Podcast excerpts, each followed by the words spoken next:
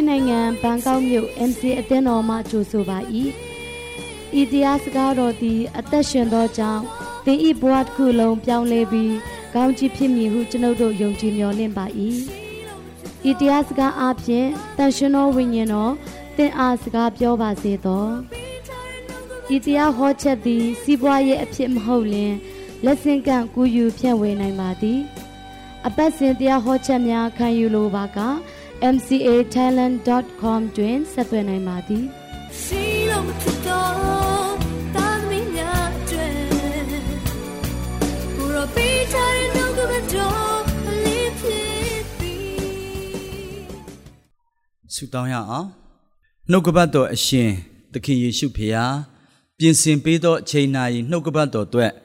ယေရှုတင်ပါတယ်တန်ရှင်သောဝိညာဉ်တော်ဖျားကိုယ်တိုင်နှုတ်ကပတ်တမန်တရားကိုတုံတင်ဖွင့်ပြလျက် ကိုရရှင်ချစ်တဲ့သားသမီးတယောက်စီတိုင်းမြေကြီးပေါ်မှာဘုရားရဲ့အကြံစီတော်အလိုတော်နာမတော်ဘုန်းတော်ကိုထင်ရှားစေပါမည်အကြောင်း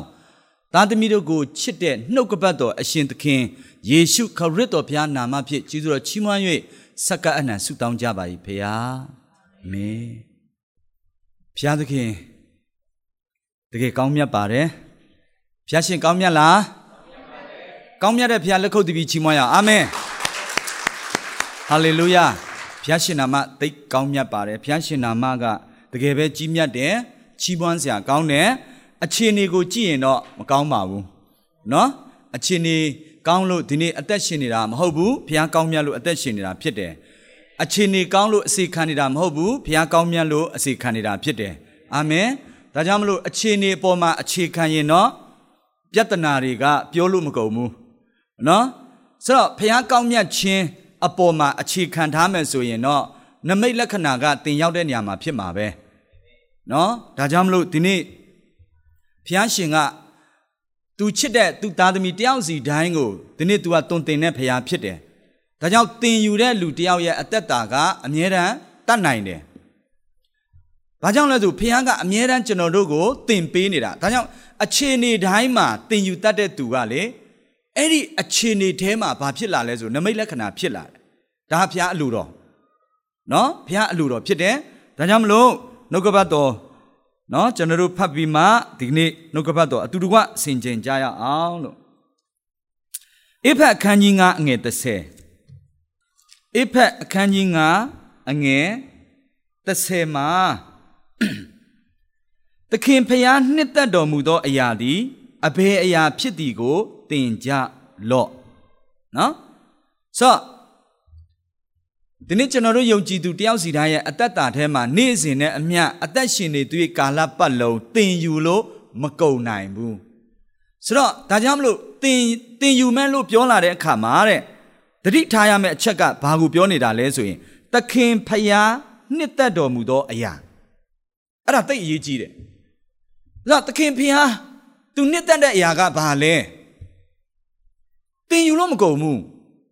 ဒါကြောင့်လို့ဖျားကဘာပြောနေတင်ယူပါအဲ့တော့အခြေအနေတိုင်းမှာကောင်းမြတ်တဲ့ဖျားလေနေရာတိုင်းမှာကောင်းမြတ်တဲ့ဖျားဖျားရဲ့ကောင်းမြတ်ခြင်းကတပြားမှာလျှော့လို့မရဘူးအဲ့တော့အခြေအနေကတော့မကောင်းဘူးဆိုးရုပ်နေတဲ့ကာလကြီးထဲမှာအသက်ရှင်နေတဲ့အခါမှာတင်ယူသွားတဲ့သူကလေအမတန်တတ်နိုင်တယ်ဆိုတာဒီနေ့အားပေးခြင်းတယ်အဲ့ဒါလို့ပြောလိုက်ရင်ကျွန်တော်တက်သိခံချက်တွေတတိကြီးထွက်လာတယ်ဘာကြောင့်လဲဆိုဘုရားရှင်တိတ်ကောင်းမြတ်တယ် ပြဿနာအကြောင်းပြောမယ်ဆိုရှင်ပြောရဲတယ်ပြဿနာရှိတယ်ဒါပေမဲ့အဲ့ဒီပြဿနာကြားထဲမှာဘုရားကောင်းမြတ်ခြင်းကတာ၍ပြဿနာထဲမှာနော်ဘုရားကောင်းမြတ်ခြင်းကတာ၍မင်္ဂလာရှိတဲ့ခါမှာလေဘုရားတိတ်ကျေးဇူးတင်တယ်နော်ဒါကြောင့်ပြဿနာလို့ပြောရင်လည်းပြဿနာရှိနေတဲ့သူတွေထွက်ရှင်ပြီးတောင်ပြောလို့ရတယ်ကျွန်တော်မှလည်းပြဿနာတွေအများကြီးပဲ သူများများတာထက်ကိုပိုများလားမသိဘူးဒါပေမဲ့အဲ့ဒီပြဿနာကဘာဖြစ်လာလဲဆိုနမိတ်လက္ခဏာဖြစ်လာတဲ့ခါကျတော့ဘာကြောင့်နမိတ်လက္ခဏာဖြစ်လဲဆိုအဲ့ဒီပြဿနာထဲမှာသင်ယူတာဒါကြောင့်မလို့နော်နောက်ထပ်ကျမ်းစာတစ်ပိုက်လေးဖတ်ပြီးတော့ခေါင်းစဉ်ပေးခြင်းနဲ့ယောဟန်ခန်းကြီး6အငယ်38ရှင်ယောဟန်ခရစ်ဝင်အခန်းကြီး6အငယ်30နဲ့8မှာ ဘာပြောလဲဆိုတော့အကြောင်းမူကားငါသည်ကိုယ်အလိုတို့လိုက်ခြင်းငါကောင်းကင်မှဆင်းသက်သည်မဟုတ်ငါကိုစေလွတ်တော်မူသောသူဤအလိုတော်သို့လိုက်ခြင်းကဆင်းသက်၏အဲ့တော့သခင်ဖျားနှစ်သက်တော်မူသောအရာကဘယ်အရာလဲဆိုတာကိုသင်ဖို့ပြောတယ်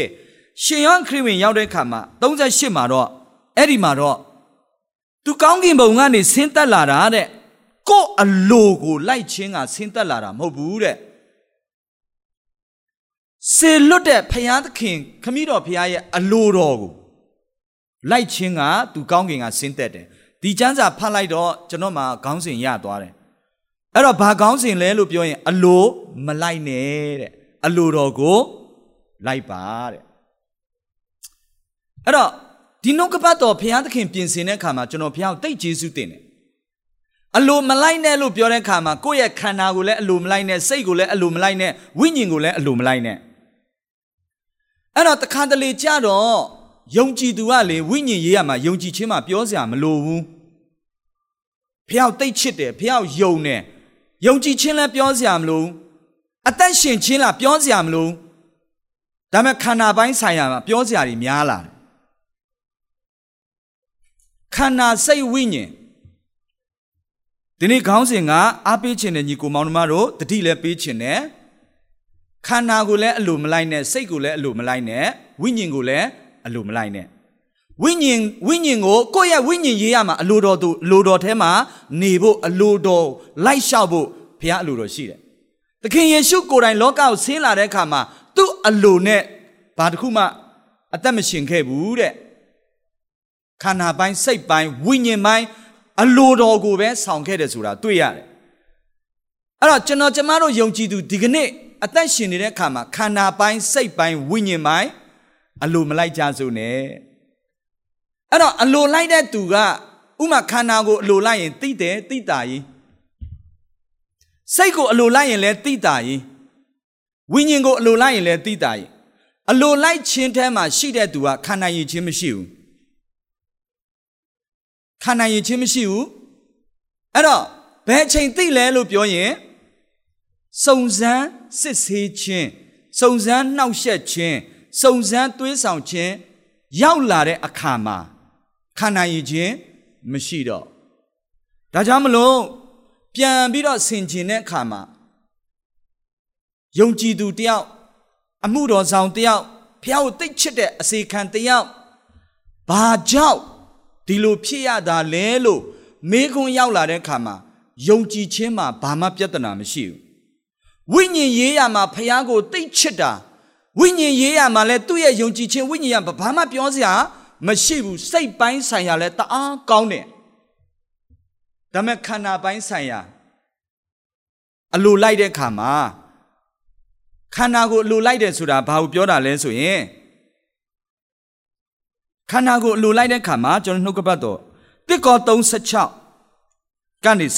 18ထဲမှာနော်ဒီ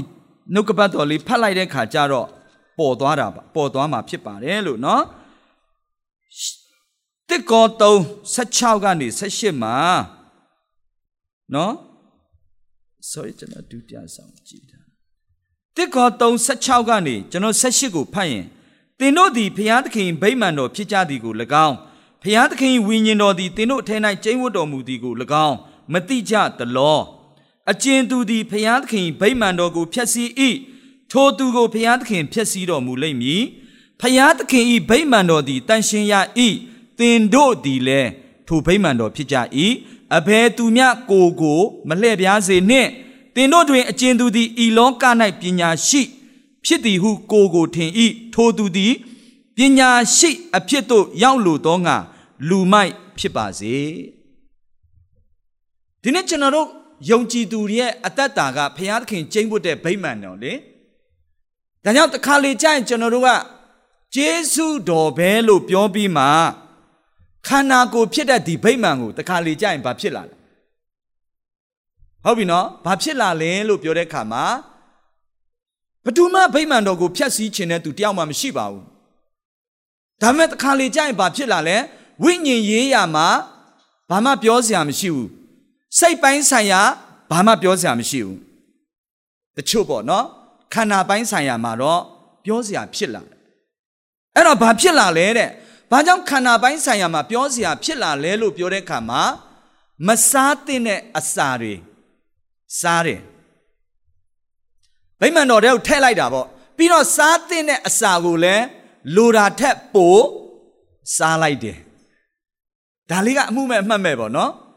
ဆိုတော့ဒါဆိုရင်ဘာဖြစ်လာလဲအဲ့ဒီဘုရားသခင်တန်ရှင်းသောဝိညာဉ်တော်ကျိန်းဝတ်တဲ့ဗိမာန်တော်ကခန္ဓာကိုယ်ကြီးကစောစောစီစီသူ့နေရာသူပြန်သွားရတာပေါ့ဒါချစ်တဲ့ညီကိုမောင်နှမများဒီကနေ့နှုတ်ကပတ်တော်ကတော့အလိုမလိုက်နဲ့လို့ပြောတာလေနော် ခန္ဓာကိုယ်လည်းအလိုမလိုက်နဲ့စိတ်ကိုလည်းအလိုမလိုက်နဲ့ဝိညာဉ်ကိုလည်းအလိုမလိုက်နဲ့အလိုတော်ကိုလိုက်ဖို့ပြောတာလေနော်ခန္ဓာကလည်းအလိုတော်ကိုလိုက်ဖို့ဖြစ်တယ်စိတ်ကလည်းအလိုတော်ကိုလိုက်ဖို့ဖြစ်တယ်ဝိညာဉ်ကလည်းအလိုတော်ကိုလိုက်ဖို့ဖြစ်တယ်အလိုတော်ကိုလိုက်ရင်ဘာဖြစ်လဲအဲ့ဒီအလိုတော်ထဲမှာဖခင်ရဲ့တာဝန်ယူခြင်းတွေရှိတယ်ဖခင်ရဲ့မဆခြင်းတွေကအလိုတော်ထဲမှာရှိတယ် ဖခင်ရဲ့ကွယ်ကာခြင်းတွေကအလိုတော်ထဲမှာရှိတယ်ဘာကြောင့်လဲဖခင်သခင်ကရွေးနှုတ်ထားတဲ့သူ ဖြစ်သောကြောင့်ရွေးချယ်ထားတဲ့သူဖြစ်သောကြောင့်အဲ့တော့ဒီနှုတ်ကပတ်တော်ကကျွန်တော်လည်းတစ်ချိန်လုံးကဆိုမကြိုက်ပါဘူး။ဘာကြောင့်လဲဆိုကျွန်တော်လည်းကိုကိုကိုအလိုလိုက်တာလေကျွန်တော်ကြိုက်တာဆိုရင် ကျွန်တော်ကအလိုလိုက်တယ်။ဥပမာကျွန်တော်ကအချိုကြိုက်တယ်။ အချိုကြိုက်တော့အချိုကိုတအားစားတယ်။အချိုစားတော့ဘာဖြစ်လဲတဲ့အချိုလဲစားတယ်အငံလဲစားတယ်အစိတ်လဲစားတယ်ကျွန်တော်ကြိုက်တာအစီလဲကြိုက်တယ်အဲ့ဒီလိုကြိုက်တော့ဘာဖြစ်လာလဲတဲ့ဖျားသခင်ကျင်းဝတ်တဲ့ကျွန်တော်ဗိမ္မာန်တော်ကြီးကအကြိုက်ခဲပျောက်စေးနဲ့ကျွန်တော်ကဆောင်ရတာကိုရောလို့ဘာဖြစ်လို့ဒီလိုဖြစ်တာလဲကျွန်တော်မဖြစ်ချင်ဘူးအဖျားကကျွန်တော်တုံတင်တာကို ကျွန်တော်ကတိတလူလူနဲ့မသိဘူးပြောချင်တာကကျွန်တော်ကဖခင်ရဲ့မေတ္တာကိုဖခင်ကျွန်တော်ကိုချစ်တာဖခင်ရဲ့ကျေးဇူးတရားထဲမှာကျွန်တော်ကကိုယ့်ကိုယ်ကိုဘာလုပ်လဲဆိုအလိုလိုက်တယ်အဲ့တော့သူများကကျွန်တော်ကိုအလိုလိုက်တာကိုလည်းကျွန်တော်ကြိုက်တယ်ကျွန်တော်ကိုကျွန်တော်လည်းအလိုလိုက်တာကိုကြိုက်တယ်အဲ့တော့သူများဘာကြွေးကြွေးကျေးဇူးတော်ပဲဆိုကျွန်တော်စားတယ်အဲ့တော့ဝိညာဉ်ရေးရမှာလဲထို့နီး၎င်းပဲသူများအလိုလိုက်ရင် ကျွန်တော်ကြိုက်တယ်သူများအလိုမလိုက်ရင်ကျွန်တော်မျက်ရည်ကျစိတ်မကောင်းဖြစ်တယ်အတိတ်မှပြုတ်ခြင်းမခံရတဲ့အခါမှာအမတန်မှဝမ်းနေတယ်ကိုချစ်တဲ့သူတွေကိုလေးစားတဲ့သူတွေကိုတန်ဖိုးထားတဲ့သူတွေစကလုံးတစ်လုံးမှကိုကိုလင်းဟိုဘယ်လိုပြောမလဲအတိတ်မှမပြုတ်ပဲနဲ့စကားကိုမပြောစေချင်ဘူးတကယ်လို့အဲ့ဒီလိုများပြောခဲ့ရင်တားခံစားရတယ်နောက်ဆုံးတော့ဗာလဲဆိုတော့အလိုလိုက်တာကိုကြိုက်တာပေါ့ ကျေးဇူးတော်ကြောင့်ကျွန်တော်ကအလိုလိုက်ခြင်းထဲမှာမခံရအောင်အမြဲတမ်းမြေစမ်းခရမ်းပြိုးထဲမှာပါတယ်ဖျောက်ကျေးဇူးတင်တယ်တားကျေးဇူးတင်တယ်အလိုလိုက်ခြင်းထဲမှာမရှိတော့အလိုတော်ကိုရှာတတ်လာတယ်ကိုရောဘာဖြစ်လို့ဒီလိုဖြစ်လဲဘာဖြစ်လို့ဒီလိုဖြစ်လဲလို့ပြောတဲ့အခါမှာဘုရားကကျွန်တော်ကိုရှေ့မစွခင်ကလေးက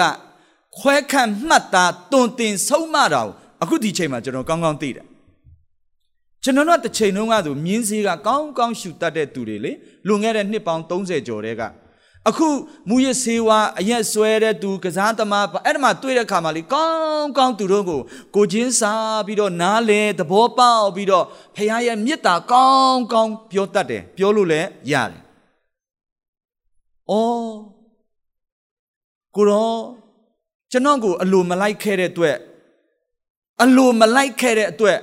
အလိုတော်ကိုလိုက်ဖို့တုံတင်တဲ့အတွက်ကြောင့်ဒီကာလမှာဒီအချိန်မှာဘာဖြစ်လဲဆိုတတ်တည်ဖြစ်တယ်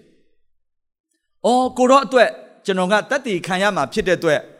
ဖျားရှင်ကောင်းမြတ်တယ်လို့ပြောရင်လေလူဒန်းစားမရွေးဘာသာမရွေးလူမျိုးမရွေးနေရမရွေးမှသွားပြီးမှလေအလိုတော်ကိုဖျားသခင်ရဲ့အလိုတော်ကို ပြောပြဝေမျှတတ်တည်ခံတဲ့အခါမှာလေဂိုင်းကနလည်းမရွေးဘူးလက်ခံတယ်လူမျိုးလည်းမရွေးဘူးနေရလည်းမရွေးဘူး ဖခင်ရဲ့အလိုတော်ကဘာလဲဆိုလောကကြီးထဲဝင်လာတဲ့သူတယောက်ချင်းစီတိုင်းကိုနံပါတ်1ကအေဝံဂေလိတရားကိုကြားပြီးယုံဖို့ဖခင်ရဲ့အလိုတော်ကနံပါတ်1ဘာလဲဆိုအဲ့ဒီအေဝံဂေလိတရားကိုယုံပြီးတော့ပြောင်းလဲလာတဲ့သူတမာတရားနဲ့အသက်ရှင်ဖို့အဲ့ဒီတမာတရားနဲ့အသက်ရှင်ပြီးအသက်ရှင်တဲ့သူကိုနောက်တစ်ဆင့်ကမေတ္တာတရားနဲ့ အတ္တတာတွေကိုတိဆောက်ပေးဖို့အဲ့ဒါဘုရားအလိုတော်ဆိုတာသိလာတဲ့အခါဘုရားရှင်ယေရှုတင်တယ်ကိုယ့်ရဲ့အတ္တတာထဲမှာလည်းဘုရားရဲ့အလိုတော်ထဲမှာရှောက်သွားတတ်သွားတယ်အဲ့တော့လူတွေအလိုလိုက်ဖို့အသက်မရှင်တတ်တော့ဘူးအဲ့ဒီခါမှာဖယားကလေတိတ်ကောင်းမြတ်တဲ့အံ့ဩဖွယ်သူပြုတ်တဲ့အရာတွေကဓာတ်ရိုက်လေနော်ဓာတ်ရိုက်ဒါကြောင့်ချစ်တဲ့ညီကိုမောင်တို့မများအလိုလိုက်တဲ့လူကြတော့လေထတ်ဆင့် တဆင့်ကံပေါ်ဖယားရှင်ကတုံတင်ရတယ်ဟုတ်ပြီနော်အလိုလိုက်တာကိုကြိုက်တဲ့သူကတဆင့်ကံတုံတင်ရတယ်အခြေအနေတွေအားဖြင့်ဟိုလူတွေအားဖြင့်အရာအမျိုးမျိုးအားဖြင့်သူ့ကိုတုံတင်ရတယ်ပြုတ်ပြင်ရတယ်ကြားတယ်အလိုတော်ကိုလိုက်တဲ့သူကဘုရားရှင်ကလေတန်ရှင်သောဝိညာဉ်တော်အဖြစ်တင့်ကိုဓာတ်ရိုက်တုံတင်တာဖြစ်တယ်ဒီကာလဒီအချိန်ဒီလိုဆိုးရောက်နေတဲ့ကာလကြီးထဲမှာဘုရားကသူ့သားသမီးတွေအဖြစ် ပြဿနာရှိတဲ့နေရာကိုပို့တာနမိတ်လက္ခဏာဖြစ်ဖို့ပို့တာလေအဲ့ဒီအလိုတော်ကိုအကင်းပါတဲ့သူကလေဘာဖြစ်လဲဆိုနမိတ်လက္ခဏာဖြစ်တယ်ဒါကြောင့်မလို့အလိုလိုက်တာကိုကြိုက်တဲ့သူကဘာဖြစ်လဲဆိုရင်ပြဿနာဖြစ်တယ်အဲ့တော့ဖခင်ကလေသူ့သားသမီးတွေကိုဒီကာလမှာဘာပေးချင်တာလဲဆိုရင် ကောင်းကြီးပေးချင်တာဒါမှပြန်ဆန်းစစ်လိုက်တဲ့အခါမှာအလိုလိုက်တဲ့သူကြတော့ဒုက္ခပေးတဲ့သူဖြစ်လာပြီးတော့ အလိုတော်လိုက်တဲ့သူကြတော့ကောင်းကြီးပေးတဲ့သူဖြစ်လာတယ်ဆိုတာတွေ့တဲ့အခါမှာလေအော်ဖခင်သခင်ယေရှုတင်နဲ့အခွင့်အရေးရရင်တော့ဒီနှုတ်ကပတ်တော်ကိုတော့ချစ်တဲ့လူတွေကိုပြောပြမယ်။ဘာကြောင့်လဲလို့ပြောတဲ့အခါမှာဒေသနာကျမ်းအခန်းကြီး၈အငယ်3ရောက်လာတဲ့အခါမှာဒေသနာကျမ်းအခန်းကြီး၈အခန်းငယ်3ရောက်လာတဲ့အခါမှာ တမာတတိလစ်၍အထံတော်မှမထွက်နှင့်မကောင်းသော အမှုကို မဆွဲမကင်နှင့် အလိုတော်ရှိသည့်အတိုင်းစီရင်တော်မူမည်တင်တတိလစ်သွားရင်လည်းဘုရားသခင်ကနော်သူ့ရဲ့အလိုတော်နဲ့အညီစီရင်မှာပဲ။ဆိုတော့ဖျားသခင်ကနော်ဒီနေ့ကျွန်တော်တို့ကို စကားပြောထားပြီးပြီးတတိပေးထားပြီးပြီး ဒါကြောင့်မလို့လက်တွေ့ယုံကြည်သူတွေဒီနေ့ဒီချိန်ဒီကာလမှာလက်တွေ့ကြကြအသက်ရှင်ဖို့ရန်အတွက်ကကိုယ့်ရဲ့ခန္ဓာပိုင်းကိုယ့်ရဲ့စိတ်ပိုင်းကိုယ့်ရဲ့ဝိညာဉ်ပိုင်းကိုအလိုလိုက်တာကိုမနစ်သက်ကြနဲ့သူများကအလိုလာလိုက်ရင်လည်းလက်မခံနဲ့ကိုကိုကိုလည်းအလိုမလိုက်နဲ့အဲ့ဒါဆိုလို့ရှိရင်ဖယားသခင်ကလည်းအဲ့ဒီအလိုတော်ထဲမှာရှိတဲ့တင်တဲ့ကျွန်တော်ကိုသူ့ရဲ့အကြံစီတော်ထဲမှာ သူ့ရဲ့အလိုတော်ထဲမှာသူ့ရဲ့နာမတော်အားဖြင့်သူ့ရဲ့ဘုန်းကိုဒီအချိန်ကာလမှာထင်ရှားစေဖို့အမတန်မှအခွင့်အရေးကောင်းတဲ့အချိန်ဖြစ်တယ်။တရားမှလည်းအာမင်မထူးကြဘူးအာမင်ဆိုတော့ဘုရားရှင်ကလေ तू ကနီလန်းပေးတာလေနော်သင်ယူဖို့ပြောတာသခင်ဖျားနှစ်သက်သောအရာကိုဘာလို့ရမလဲသင်ယူဖို့ဖြစ်တယ်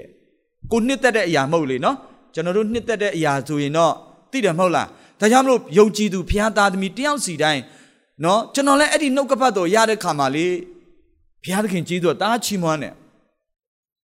တားချီးမွမ်းတယ်ဘာကြောင့်လဲဆိုရင်တာ၍ကြီးသောအချိန်တိုင်းမှာလေဖခင်သခင်အလိုတော်ကိုဖခင်ရဲ့နာမတော်ဖြစ်တဲ့နှုတ်ကပတ်တော်တည်ဆောင်တာလေအမတန်မှကျင့်တ်တယ် ပေါ်ပါစွာဝမ်းမြောက်စွာ ထိရောက်စွာနဲ့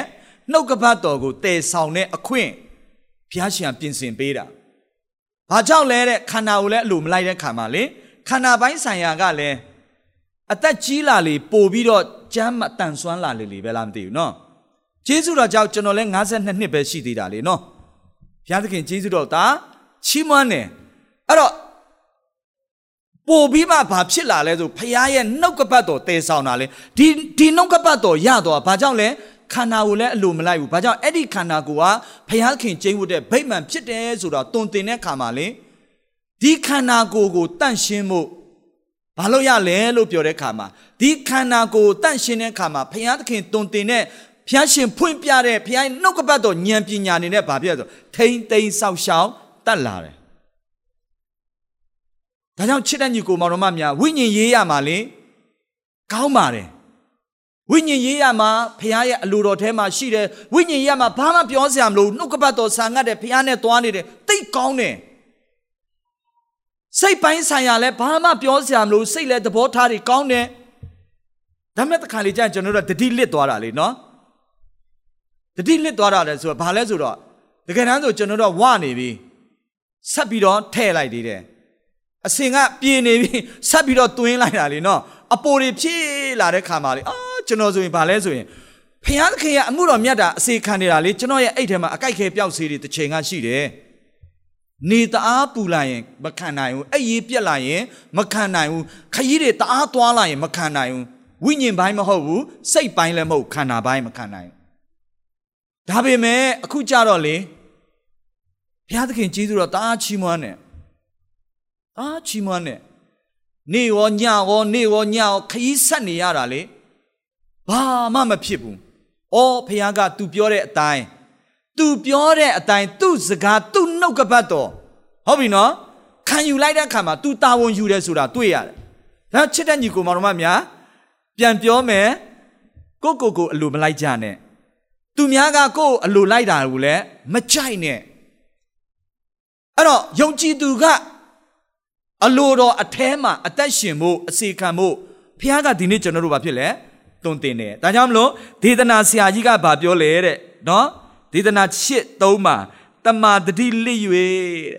အထံတော်မှမထွက်နဲ့တဲ့ဆိုလိုချင်တာအလိုတော်အထဲကနေထွက်ပြီးမှသူများအလိုလိုက်တာကိုမကြိုက်နဲ့လို့ပြောနေတာအထံတော်ကထွက်သွားတဲ့ခါကျရင်အလိုတော်ထဲကနေ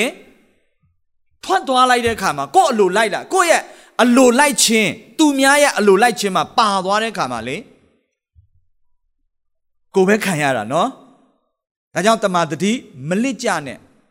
ဝိညာဉ်ရေးရမှာလဲဒီနေ့အစာအာဟာရကကျွန်တော်တို့ကဒီချိန်ဒီကာလကစစ်ဆေးပြီးမှဆင်ကျင်ပြီးမှဝေခွဲပြီးမှစားရတယ်လို့ဒီနေ့ကာယအစာလဲထုတ်နီ၎င်းမဲ့ဒါလေးတွေဒီနေ့ကျွန်တော်နားလဲသဘောပေါက်သွားတဲ့အခါမှာအမြဲတမ်း တတိလစ်တဲ့သူမဖြစ်တော့ဘူးပေါ့နော်အဲ့တော့တတိလစ်တဲ့သူမဖြစ်တဲ့အခါမှာဘာဖြစ်လာလဲလို့ပြောရင်မြေကြီးပေါ်မှာ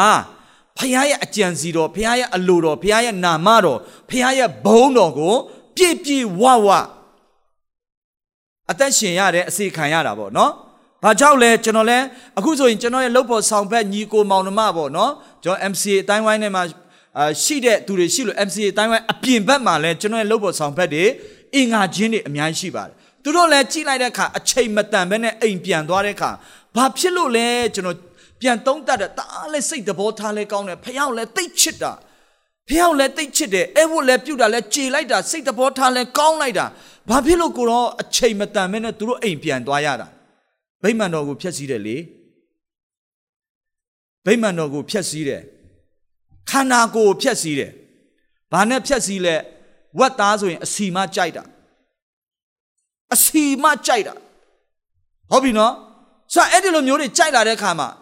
ကျွန်တော်ညီကိုက तू ကအဲ့ဒါတွေတားကြိုက်တယ်အစီတွေကြိုက်တယ်အစိတ်တွေကြိုက်တယ်အဲ့တော့ကောင်းလားဆိုကောင်းပါတယ်ကျေးဇူးတော်ပဲလေနော်စားတာကိုကောင်းပါဒါမဲ့အဲ့ဒါဆိုင်းဆိုင်းနဲ့ဘာဖြစ်လာလဲဆိုသွေးတိုးဖြစ်လာတယ်သူတို့မှစီးကြိုတွေဖြစ်လာတယ်ဆိုတော့အဲ့လိုဖြစ်လာတဲ့ခါကျတော့အော်မသိကျွန်တော်တော့ဆင်ကျင်တယ်ဖះရှင်ခုနလိုလေ ဝိညာဉ်ပိုင်းမှာပြောစရာမလိုစိတ်ပိုင်းမှာပြောစရာမလိုဘာဖြစ်လို့ဒီလိုဖြစ်ရတာလဲလို့ပြောတဲ့ကအလိုလိုက်တာကြိုက်တယ်အဲ့တော့ကျွန်တော်တို့နော်အာတရားဟောဆရာတွေကလည်းရောက်တဲ့နေရာမှာအိမ်ရှင်တွေကများသောအားဖြင့်ချက်ရင်ဝက်သားပဲနော်ကျွန်တော်တို့မြန်မာစကားရှိတာကိုအသီးမှာတရက်အရွက်မှာလက်ဖက်ငားမှာငတလောက်မယားမှာစတောက်ဟုတ်ပြီနော်အသားမှာဝက်တဲ့ဆိုမြန်မာစကားရှိတယ်လေ အသားတကအသားထဲမှာဝက်တာအကောင်းဆုံးအသီးထဲမှာတရက်အကောင်းဆုံးအရွက်ထဲမှာလက်ဖက်ငားမှာငတလောက်မယားမှာစတောက်ဒါမြန်မာစကားပေါ့နော်ဒီခေတ်ကတော့စတောက်မဟုတ်တော့ဆံမှုတိုင်းဖြစ်လာပြီလေနော်ဆိုတော့ပြောချင်တာဒါတွေကိုဒီနေ့ချစ်တဲ့ညီကိုမောင်တိတ်တတိထားရမယ်အချိန်ကာလပေါ့နော်ဒါကြောင့်မလို့ဒီနေ့ဒီကာလမှာစာဒမဏတ်ကလေနီးမျိုးစုံနဲ့ဖះတိတ်ချစ်တဲ့သူတွေကိုထောင်ချောက်ဆင်ထားတာအဲ့ဒါဘာလဲဆိုအလိုလိုက်တာကို ကြိုက်တဲ့သူနဲ့အလိုလိုက်တဲ့သူတွေတွေ့ကြုံရတယ်ဆိုတာတွေ့တဲ့အခါမှာအော်ဘုရားရှင်ယေရှုတင်တယ်။ဘာကြောင့်လဲဆိုရင်ဒီနေ့ကျွန်တော်တို့ခန္ဓာပိုင်းစိတ်ပိုင်းဝိညာဉ်ပိုင်းကိုအလိုမလိုက်ပဲနဲ့ဟုတ်ပြီနော်အလိုတော်ကိုလိုက်ဖို့တွင်တင်တယ်တတိလစ်ရင်တော့ဖခင်ကအလိုတော်နဲ့အညီမရဘူးလေအလိုတော်နဲ့အညီပဲတဲ့ဘာလို့ရလဲတဲ့စီရင်ရတာဒါကြောင့်လို့ချစ်တဲ့ညီကိုမောင်မခန္ဓာကိုထိမ့်ဖို့လိုတယ်စိတ်ကိုထိမ့်ဖို့လိုတယ် စိတ်ကိုမထိမ့်လို့လည်းမရဘူးစိတ်ကိုလည်းအလိုလိုက်လို့မရဘူးစိတ်ကိုအလိုလိုက်ရင်လည်းမြို့ရိုးပြက်နဲ့တူတယ်တဲ့နော်တခါလေကျရင်တရားတာဟောတာကျမ်းစာတာသင်တာစိတ်ကလည်းမြန်တယ်ဆက်တယ်နော်အဲ့တော့အဲ့ဒါတွေလည်းအများကြီးရှိတယ်ဟုတ်ပြီနော်အဲ့တော့ဘာဖြစ်လဲအလိုမလိုက်နဲ့စိတ်ကိုလည်းအလိုမလိုက်နဲ့စိတ်ကိုအလိုလိုက်ရင်လေတဲ့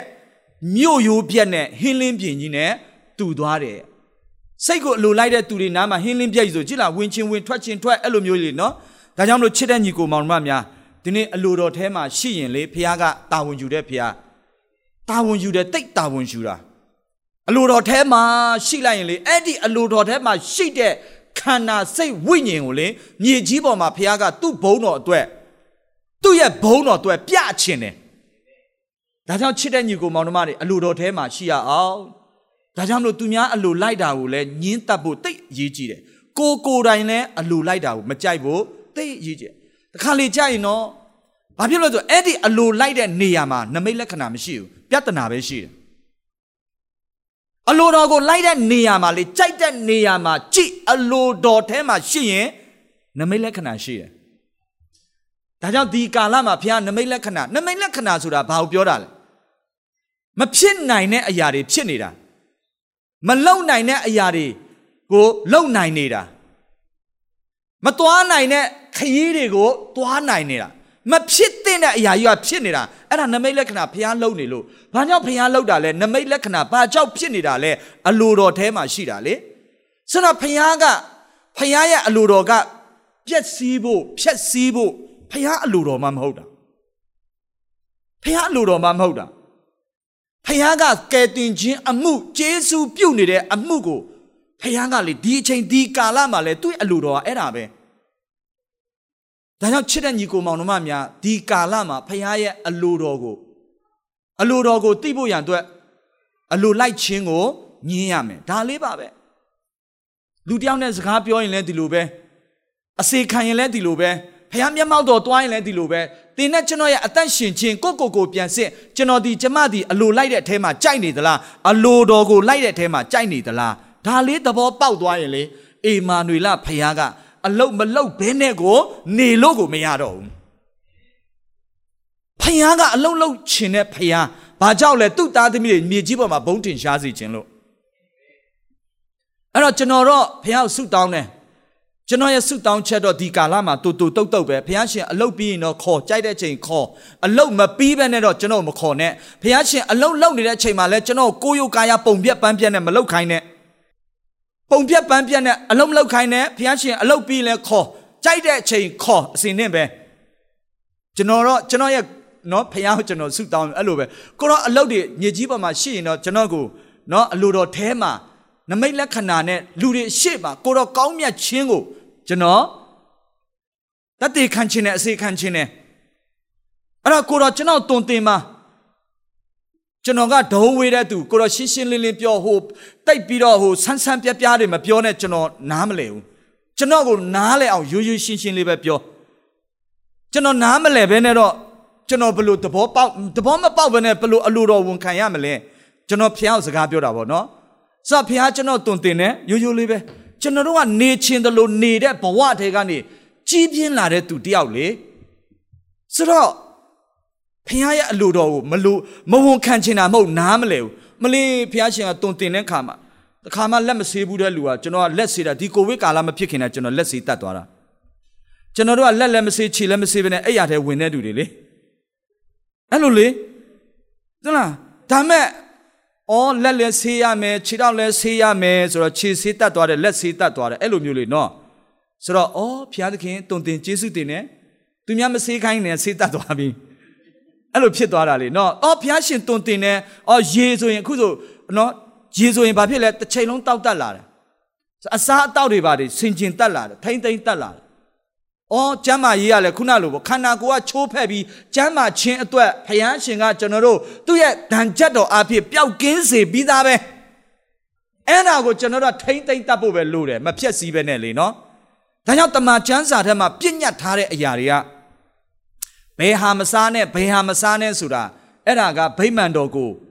ဟုတ်ပြီနော်တိဆောက်ဖို့ဖြစ်တယ်။အိုးဓမ္မဟောင်းကပြောတဲ့အရာပဲဖြစ်ဖြစ်ဓမ္မတစ်မှာပဲဖြစ်ဖြစ်ကျမ်းစာထဲမှာရှိတယ်မစားနဲ့ဆိုရင်မစားနဲ့ပဲ။ အဲ့ဒါလေးကိုကျွန်တော်တို့နားလည်သွားရင်လေစားဆိုတဲ့အရာကိုစားမစားနဲ့ပြောတဲ့အရာကိုမစားနဲ့အဲ့ဒါဆိုရင်ဘာဖြစ်လာလဲသိလားခန္ဓာပိုင်းစိတ်ပိုင်းဝိညာဉ်ပိုင်းလေးတကယ်ပဲရွှေလင်းယုံရွှေလင်းယုံအာမင်ဘုရားရှင်ဒီနေ့ကျွန်တော်တို့သိတ်ချစ်တယ်ဒါကြောင့်မလို့ဒီနေ့နှုတ်ကပတ်တော်ကအလိုမလိုက်နဲ့လို့ကိုကိုကိုလေးဒီလိုလေးပြောလိုက်ရင်တော့ပူကောင်းမယ်နော်ရင်ဘတ်လေးပုတ်ပြီးတော့အလိုမလိုက်နဲ့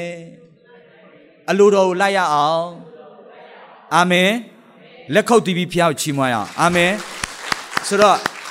မြေကြီးပေါ်မှာတက်တန်းစေနဲ့မြေကြီးပေါ်မှာတက်တန်းစေဖခင်ရဲ့ဘုံကိုဖခင်ရဲ့အမှုတော်ဖခင်ရဲ့အကြံစီတော်ဖခင်ရဲ့အလိုတော်ကိုဆောင်တဲ့သူဖြစ်ဖို့ဘုရားအလိုရှိပါတယ်အာမင်ဆိုတော့ကျွန်တော်တို့တွေကနားလေနားမလဲဘူးဒါမဲ့ဘုရားကတုံတင်လိုက်တဲ့အခါမှာလေဘုရားတုံတင်တာကိုလေတင်ယူတတ်တဲ့သူဖြစ်ဖို့တော့တိတ် အရေးကြီးပါတယ်လို့နော်ဒါကြောင့်ဘုရားကနားမလဲလို့တုံတင်တာပေါ့တုံတင်တယ်ဆိုတာနားလေစီခြင်းလို့ပေါ့နားလေသွားတဲ့လူကလေအလုတ်လောက်ရတာပေါ့ပါတယ်ဒါကြောင့်ဒီနေ့ဘုရားရဲ့အလုတ်ကိုလေဘုရားရဲ့အမှုတော်တိတ်ပေါ့ပါတယ်လောက်တဲ့ခါမှာလဲတိတ်ပျော်တယ်ဖခင်ရဲ့အလုပ်ကိုလုပ်ရတာတိတ်ဝမ်းမြောက်တယ်တိတ်ကျေနပ်တယ်မသိဘူးတွင်းထဲကနေတော့ဖခင်ရှင်တိတ်ကျေးဇူးတင်တယ်ဒါကြောင့်ချစ်တဲ့ညီကိုမောင်နှမတွေ ဒီနေ့ဖခင်ရှင်ကကျွန်တော်တို့အံ့ဩဖွယ်ရအလိုတော်ထဲမှာရှိတဲ့သူကလေတကယ်ပြောတာတကယ်အံ့ဩဖွယ်ရတခါလေကြာရင်တကယ်ပြောတာကျွန်တော်ကအသင်းတော်အပြောင်းရွှေ့ကတစ်နှစ်အတော်သွင်းမှာဖြစ်တာလေနော်အဲ့ဒီဒီတစ်နှစ်အတော်သွင်းရလဲကိုဗစ်ကာလလေအဲ့ဒီကိုဗစ်ကာလမှာအသင်းတော်တာပြောင်းရွှေ့တယ်အသင်းတော်မှာတယောက်မှဖျားရှိခိုးတာမဟုတ်မရှိဘူးရှိခိုးလို့လည်းမရဘူးဒါပေမဲ့အဲ့ဒီကာလမှာမှလူလည်းတယောက်မှမရှိတဲ့ကာလမှာမှ ဖျားရဲ့ကောင်းကြီးမင်္ဂလာကြလာတာလေကြောက်စရာလန့်စရာကြီးသူ့ရဲ့လက်တော်သူ့ရဲ့ကောင်းမြတ်ခြင်းအိုးအလိုတော်ထဲမှာရှိတဲ့အခါ तू ကတုံတင်လာလေငါသားမင်းသိတယ်နော်လူတယောက်မှမရှိတဲ့အချိန်မှာငါရဲ့လက်တော်ဒီလိုရှိတယ်ဆိုတော့အော်ဘုရားရှင်ယေရှုတင်လိုက်တာဘဒူးမှမရှိတဲ့အချိန်မှာနော်သားသမီး၄ယောက်နဲ့အပြောင်းအရွှေ့တွေနဲ့အိုးပြောမယ်ဆိုရင်တော့ဒါမှဘုရားရှင်သိကောင်းမြတ်တယ်ဒါချစ်တဲ့ညီကိုမောင်တို့များအလိုတော်ထဲမှာတို့တွေရှိအောင်အာမင် အလိုတော်ထဲမှာရှိရင်အသက်ပေးခဲ့တဲ့ဖခင်လေတင့်ကိုလေမြေကြီးပေါ်မှာလေတကယ်ထူးခြားပြီးမှတကယ်ဖခင်ရှင်ကသူ့ရဲ့ဘုန်းကိုဆောင်းစီခြင်းတာဒါလေးကိုသိသွားတဲ့အခါမှာဘုရားကိုသိကျေးဇူးတင်တယ်နော်ဆိုတော့ဆက်ပြီးမှကျွန်တော်ကြည့်ရအောင်တမန်တော်အခန်းကြီး22အငယ်15ရောက်လာတဲ့အခါမှာနော်တမန်တော်22 15 ဘာပြောလဲဆိုတော့တင်းသည်ဖျားသခင်၏အလိုတော်ကိုသိစေခြင်းက၎င်းဖြောင့်မတ်တော်မူသောသူကိုမြင်၍နှုတ်တော်ထွက်ကိုကြားစေခြင်းက၎င်းငါတို့ဘိုးဘေးများ၏ဖျားသခင်သည်တင့်ကိုခန့်ထားတော်မူ၏ဒီနေ့ချစ်တဲ့ညီကိုမောင်နှမများလောဘော်ဆောင်ဘက်တွေကျွန်တော်တို့ယုံကြည်သူညီကိုမောင်နှမမိသားစုတွေ ဖျားသခင်ကတင်တဲ့ကျွန်တော်ကိုဒီနေ့အသက်ရှင်ခွင့်ပေးထားတဲ့ရည်ရွယ်ချက်ကတင့်အားဖြင့်ဖျားသခင်ရဲ့အလိုတော်ကိုလူတွေသိဖို့ဖြစ်တယ်ဟုတ်ပြီနော်ဒီနေ့ကျွန်တော်တို့အားဖြင့်ဖခင်ရဲ့အလိုတော်ကဘာလဲဆိုတာလူတွေသိသွားဖို့ရန်အတွက်ဒီနေ့ကျွန်တော်တို့အသက်ရှင်နေတာဖြစ်တယ်လေဒါလည်းသိသွားရင်အလိုတော်ထဲမှာရှိတဲ့သူကလေဘယ်နေရာမှာပဲရှိရှိအဲ့ဒီအလိုတော်ထဲမှာရှိတဲ့သူကနံပါတ်1ဖခင်စိတ်တော်နဲ့တွေ့တယ်ဖခင်ကိုကျေနပ်စေတယ် ဖခင်ကိုဝမ်းမြောက်စေတယ်ဟုတ်ပြီနော်ပြီးတဲ့အခါမှာလဲအချင်းချင်းလဲဘာဖြစ်လဲအော်အလိုတော်ထဲမှာရှိနေတဲ့အခါမှာအလိုတော်ထဲမှာရှိနေတဲ့ခါကျတော့ဘာဖြစ်လဲအချင်းချင်းလဲကြည်လိုက်တဲ့ခါမှာကျဉ်တ်တယ်ဂုံယူတယ်ပီတိဖြစ်တယ်ဝမ်းသာတယ်ဘာကြောင့်လဲအော်အလိုတော်ထဲမှာရှိနေကြတယ်တဏှာထဲမှာမရှိနိုင်ပေမဲ့အလိုတော်ထဲမှာတို့တွေရှိလို့ရတယ်နော်ဟုတ်တယ်နော်တဏှာထဲမှာတော့စုပြီးတော့မရှိဘူးလေ ဒါမဲ့အလိုတော်ထဲမှာရှိတဲ့ညီကိုတယောက်ကဟုတ်ပြီနော်အော် तू ကအလိုတော်ထဲမှာအသက်ရှင်နေတဲ့အစေခံနေတယ်ကြားလိုက်တဲ့အခါမှာဘလောက်မင်္ဂလာဖြစ်လေအဲ့ဒီအတွက်ဒီနေ့ကျွန်တော်တို့ကိုဘုရားကအသက်ရှင်ခွင့်အစေခံခွင့်ပေးထားတာဖြစ်တယ်အလိုတော်ထဲမှာဟုတ်ပြီနော်အလိုတော်ကိုသိလာဖို့ရန်အတွက်ဒီနေ့အသက်ရှင်အစီခံမှုဘုရားကကျွန်တော်တို့စကားပြောနေတာဖြစ်ပါတယ်လို့နော်အဲ့တခါလေကြာရင်လူကသိတယ်မလား အလိုမလိုက်ဘူးဆိုရင်လေနော်သူ့တော့ပြုံးပြတယ်သူ့တော့မပြုံးပြမိဘူးဆိုရင်အဲ့ဒါမှတ်ထားအဲ့ဒါတင့်ကိုဘုရားအလိုတော်နဲ့အလိုတော်နဲ့နီးဖို့ရအတွက်အခွင့်အရေးပေးတာဖြစ်တာအခုကတခါလေကြာရင်ဘာဖြစ်လဲဆိုတယောက်ကိုတယောက်ကိုနည်းနည်းလေးဦးစားပေးလိုက်မိသွားရင်နောက်တယောက်ကဘာဖြစ်လဲဆိုရင်မနာလို့ဖြစ်တာလေအဲ့တော့အဲ့ဒီမှာဘာဖြစ်လာလဲဆိုရင်ဟုတ်ပြီနော်အလိုလိုက်တာတွေကပိုများလာတာဖြစ်တာလေချစ်တဲ့ညီကိုမောင်မများအလိုလိုက်တာကိုကြိုက်နေတွေ့တင်းရဲ့ဘဝမှာလေ နမိတ်လက္ခဏာကရက်တန့်နေတာဖြစ်တယ်။ဘာကြောင့်နမိတ်လက္ခဏာဖခင်ရဲ့ကောင်းချီးမင်္ဂလာမစည်းစင်းရတာလဲအလိုလိုက်တဲ့ထဲမှာဟုတ်ပြီနော်ရှိနေတော့ကြောင့်ဖြစ်တယ်။ဒါကြောင့်အလိုလိုက်တာနဲ့ဖခင်ရဲ့အလိုတော်နဲ့မညီတဲ့အရာမှန်ရင်ခန္ဓာပိုင်းစိတ်ပိုင်းဝိညာဉ်ပိုင်းအထက်ထဲမှာလုံးဝလက်မခံဘူးဆိုတာသင်ကိုယ်တိုင်ဆုံးဖြတ်ကြည့်။ဖခင်ဖွင့်တဲ့တကားဘဒူးမှပိတ်လို့မရဘူးဖျားပိတ်လာပြီဆိုရင်ဘယ်ဒူးမှဖွင့်လို့မရအောင်ဟုတ်ပြီနော် ဒါဆိုရင်ဖျားသခင်ကိုဖွင့်စေတဲ့အရာနဲ့ပိတ်စေတဲ့အရာဘာလဲဆိုတဲ့အခါမှာလေအဲ့ဒီအလိုလိုက်တာကိုကြိုက်တာပဲဒါကြောင့်ဖျားသခင်ရဲ့လက်ကလည်းမတူဘူးမျက်စိကလည်းဟုတ်ပြီနော်ဖျားရဲ့လက်တွေဖျားမျက်စိတွေဖျားနားတွေကလည်းမထိုင်းဘူးဒါကြောင့်ဖျားသခင်ကအလိုတော်ထဲမှာရှိတဲ့သူကိုတိတ်စိတ်ဝင်စားတယ်ဆိုတာဒီနေ့အားပေးပြရကဲဟုတ်ပြီအားလုံးရင်းနှီးတဲ့ကျမ်းပိုက်လေးနဲ့เนาะအဲ့ဒါလေးကိုခွန်အားပြန်ပြီးတော့ တိတ်တာထင်ရှားလာအောင်နည်းနည်းလေးကျွန်တော်တို့ဖတ်ရအောင်ရှင်လုကာခရစ်ဝင်အခန်းကြီး30အငယ်38ကနေပြီးမှ42မှာရှိတဲ့အကြောင်းအားလုံးသိတယ်ဒါပေမဲ့ခေါင်းစဉ်နဲ့ညီသွားအောင်သခင်ယေရှုဖခင်ကအလိုလိုက်တဲ့ဖခင်မဟုတ်ဘူးဆိုတာကိုဒီနေ့ကျွန်တော်တို့သိဖို့ဖြစ်တယ်ရှင်လုကာခရစ်ဝင်အခန်းကြီး30အငယ်30နဲ့ ရှစ်လောက်ကဖတ်တဲ့အခါမှာယေရှုသည်တပည့်တော်တို့နှင့်ခရီးသွားကြစဉ်ရွာတရွာတို့ဝင်တော်မူ၍မာတအမည်ရှိသောမိမတဦးသည်မိမိအိမ်၌ကိုတော်ကိုဧည့်ခံလေ၏ဟာစဉ်းစားကြည့်ဟမ်နော်သခင်ယေရှုကိုဧည့်ခံတဲ့အမျိုးသမီးလေလာပြီနော်တကယ်လို့များတင်ကလူတဦးတယောက်ရဲ့အိမ်ကိုသွားတဲ့ခါမှာတင့်ကိုဧည့်ခံတယ်အဲဝပြုတ်တယ်ကြိုဆိုတယ်ဆိုရင် ဖခင်သခင်ရဲ့အလိုတော်နဲ့မလွဲပါစေနဲ့အဲ့ဒါကဒီနေ့သခင်ယေရှုကိုယ်တိုင်ဒါလေးတုံတင်ဖွင့်ပြတဲ့အခါမှာဖခင်တိတ်ကျေးဇူးတင်တယ်ဘာကြောင့်လဲတခါတလေကြာရင်ကျွန်တော်တို့ကလူတယောက်အိမ်ကိုသွားလိုက်ခါမှာကိုယ်အဲ့ခံနဲ့အဲ့ကြိုတဲ့အဲ့ဝပြုတ်တဲ့ခါမှာတုံတင်မဲ့အရာတွေဆုံးမမဲ့အရာတွေတတိပေးမဲ့အရာတွေမေ့သွားပြီးမှဘာဖြစ်တတ်လဲဆိုရင် ကောင်းကြီးပေးတတ်တယ်ပြီးတော့ဘာကြောက်လဲဘာဖြစ်တတ်လဲအတိအမှတ်ပြုတ်တတ်တယ် ဘာပဲဖြစ်ဖြစ်အတိအမှတ်ပြုတ်တတ်တယ်လေနော်ဆိုတော့သခင်ယေရှုကအလိုတော်နဲ့မညီရင်အတိအမှတ်မပြုတ်ဘူး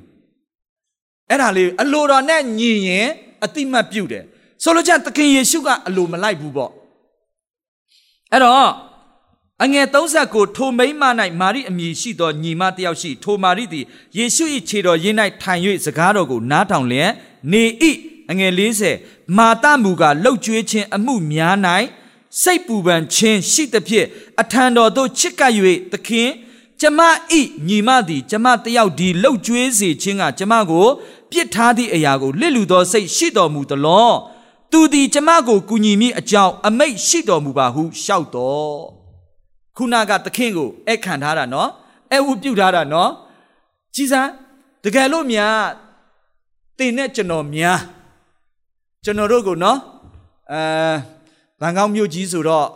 နော်ကျွန်တော်တို့အဲဖိဆာကျွေးတာတို့ဟမ်ဘာကာကျွေးတာတို့ကျွန်တော်တို့တခုခုကျွေးပြီးမှနော်အဲ့ဒီလိုကျွေးမွေးအခန့်ပြီးမှလူတယောက်ရဲ့အားနည်းချက်နဲ့လူတယောက်ရဲ့အသင်းကိုလာပြောတော့မယ်ဆိုကျွန်တော်ဘယ်လိုဆုံးဖြတ်ကြမလဲ။ तू ကကျွေးထားပြီးသွားပြီလေ။ဟုတ်တယ်မလား။ဟုတ်လား။အေးအေးအေးဟုတ်တယ်ဒါဆိုသဘောအာမင်ဖြစ်သွားပြီနော်သဘောတူသွားပြီနော် ကျွေးထားပြီးသွားပြီလေဒါမဲ့သခင်ယေရှုကသူ့အခန့်အဝတ်ပြုကျွေးထားပြီးဒါမဲ့ညီမအရင်ခောက်ခောက်မကောင်းကြောင်းလာပြောတာနော်ဟုတ်တယ်မလားမာတာကအမလေမာရိကညီမသူ့ညီမအရင်ခောက်ခောက်နော်အာနေချင်းအာနေချက်တွေလာပြောတာဒီခေတ်နဲ့ပြောအသင်းလာပြောတာဗောညီမရဲ့အသင်းကိုလာပြောတာသခင်ယေရှုအလိုမလိုက်ဘူးအလိုတော်နဲ့မညီတဲ့အတွက်ကြောင့်သခင်ယေရှုကဘာပြန်ပြောလဲ နော်အငယ်51မှာယေရှုကမာတမာတတင်သည်များစွာသော အမှုတို့၌စိုးရိမ်၍နှောက်ယှက်ခြင်းကိုခံရ၏နှောက်ယှက်ခြင်းခံနေရတယ်လို့ပြောတယ်နော်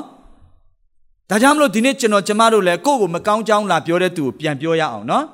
သူများမကောင်းကြောင်းလာပြောရင်တသက်လုံးပြောလို့မကုန်ဘူးဒီကာလမှာကောင်းမှမကောင်းတာ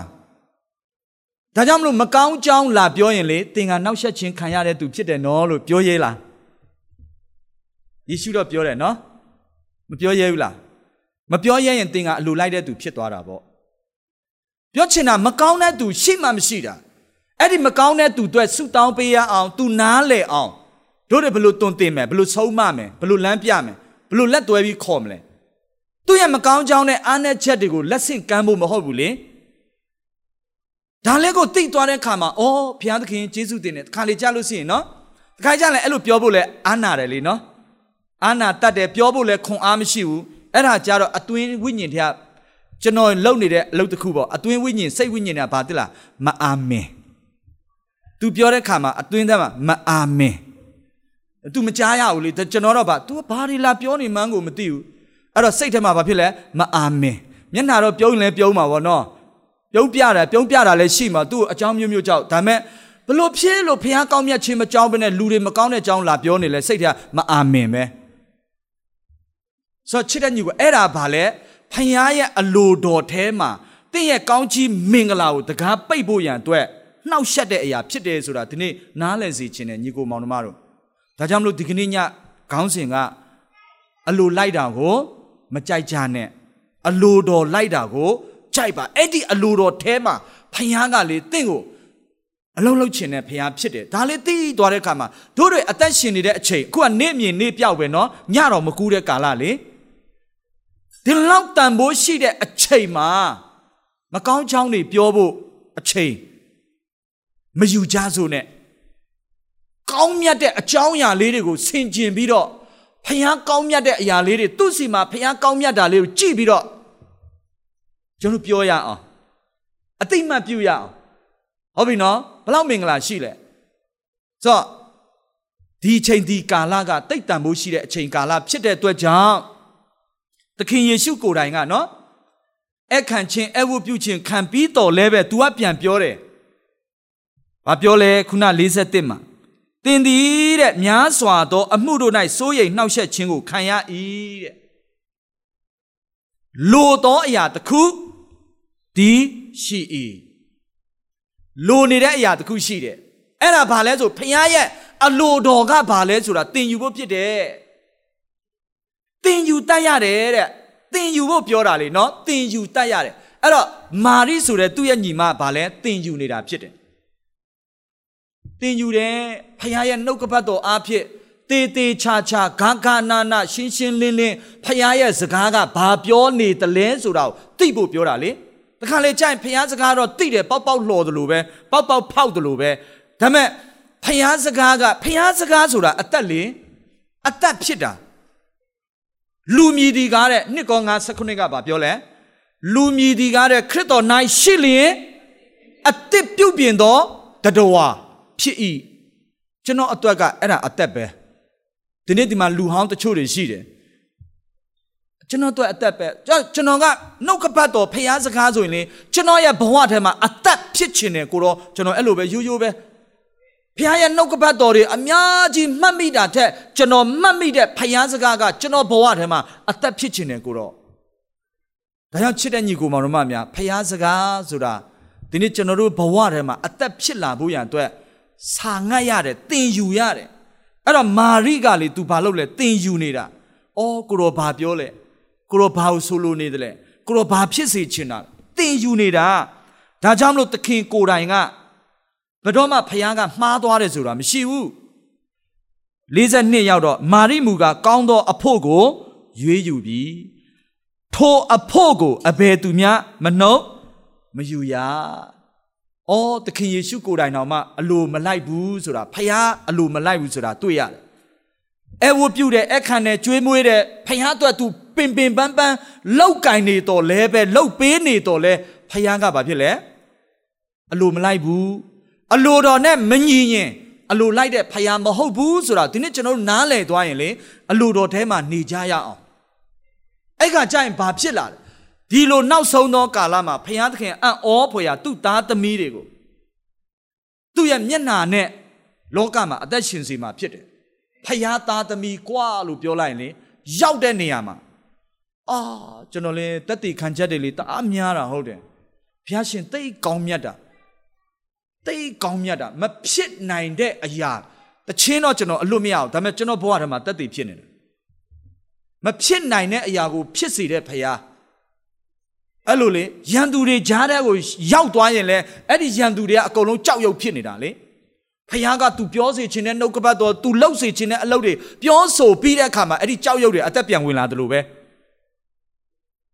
ဖျားရှင်သိကောင်းမြတ်တယ်ဒါကြောင့်မလို့အဲ့ဒီလှုပ်ဝက်ချက်ကဘာလဲဆို ကိုကိုကိုအလိုမလိုက်ပဲနဲ့သူများအလိုလာလိုက်ရင်လည်းမကြိုက်တဲ့အလိုတော်ထဲမှာအသက်ရှင်တဲ့လှုပ်ဝက်ချက်ဖြစ်တယ်ဆိုတာကိုဒီနေ့နားလည်ရပါတယ်လို့เนาะဒါကြောင့်မလို့နောက်ဆုံးကျမ်းပိုက်နဲ့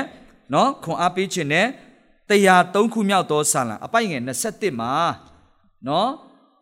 တရား၃ခုမြောက်သောဇာလံအပိုက်ငယ်20နဲ့1မှာ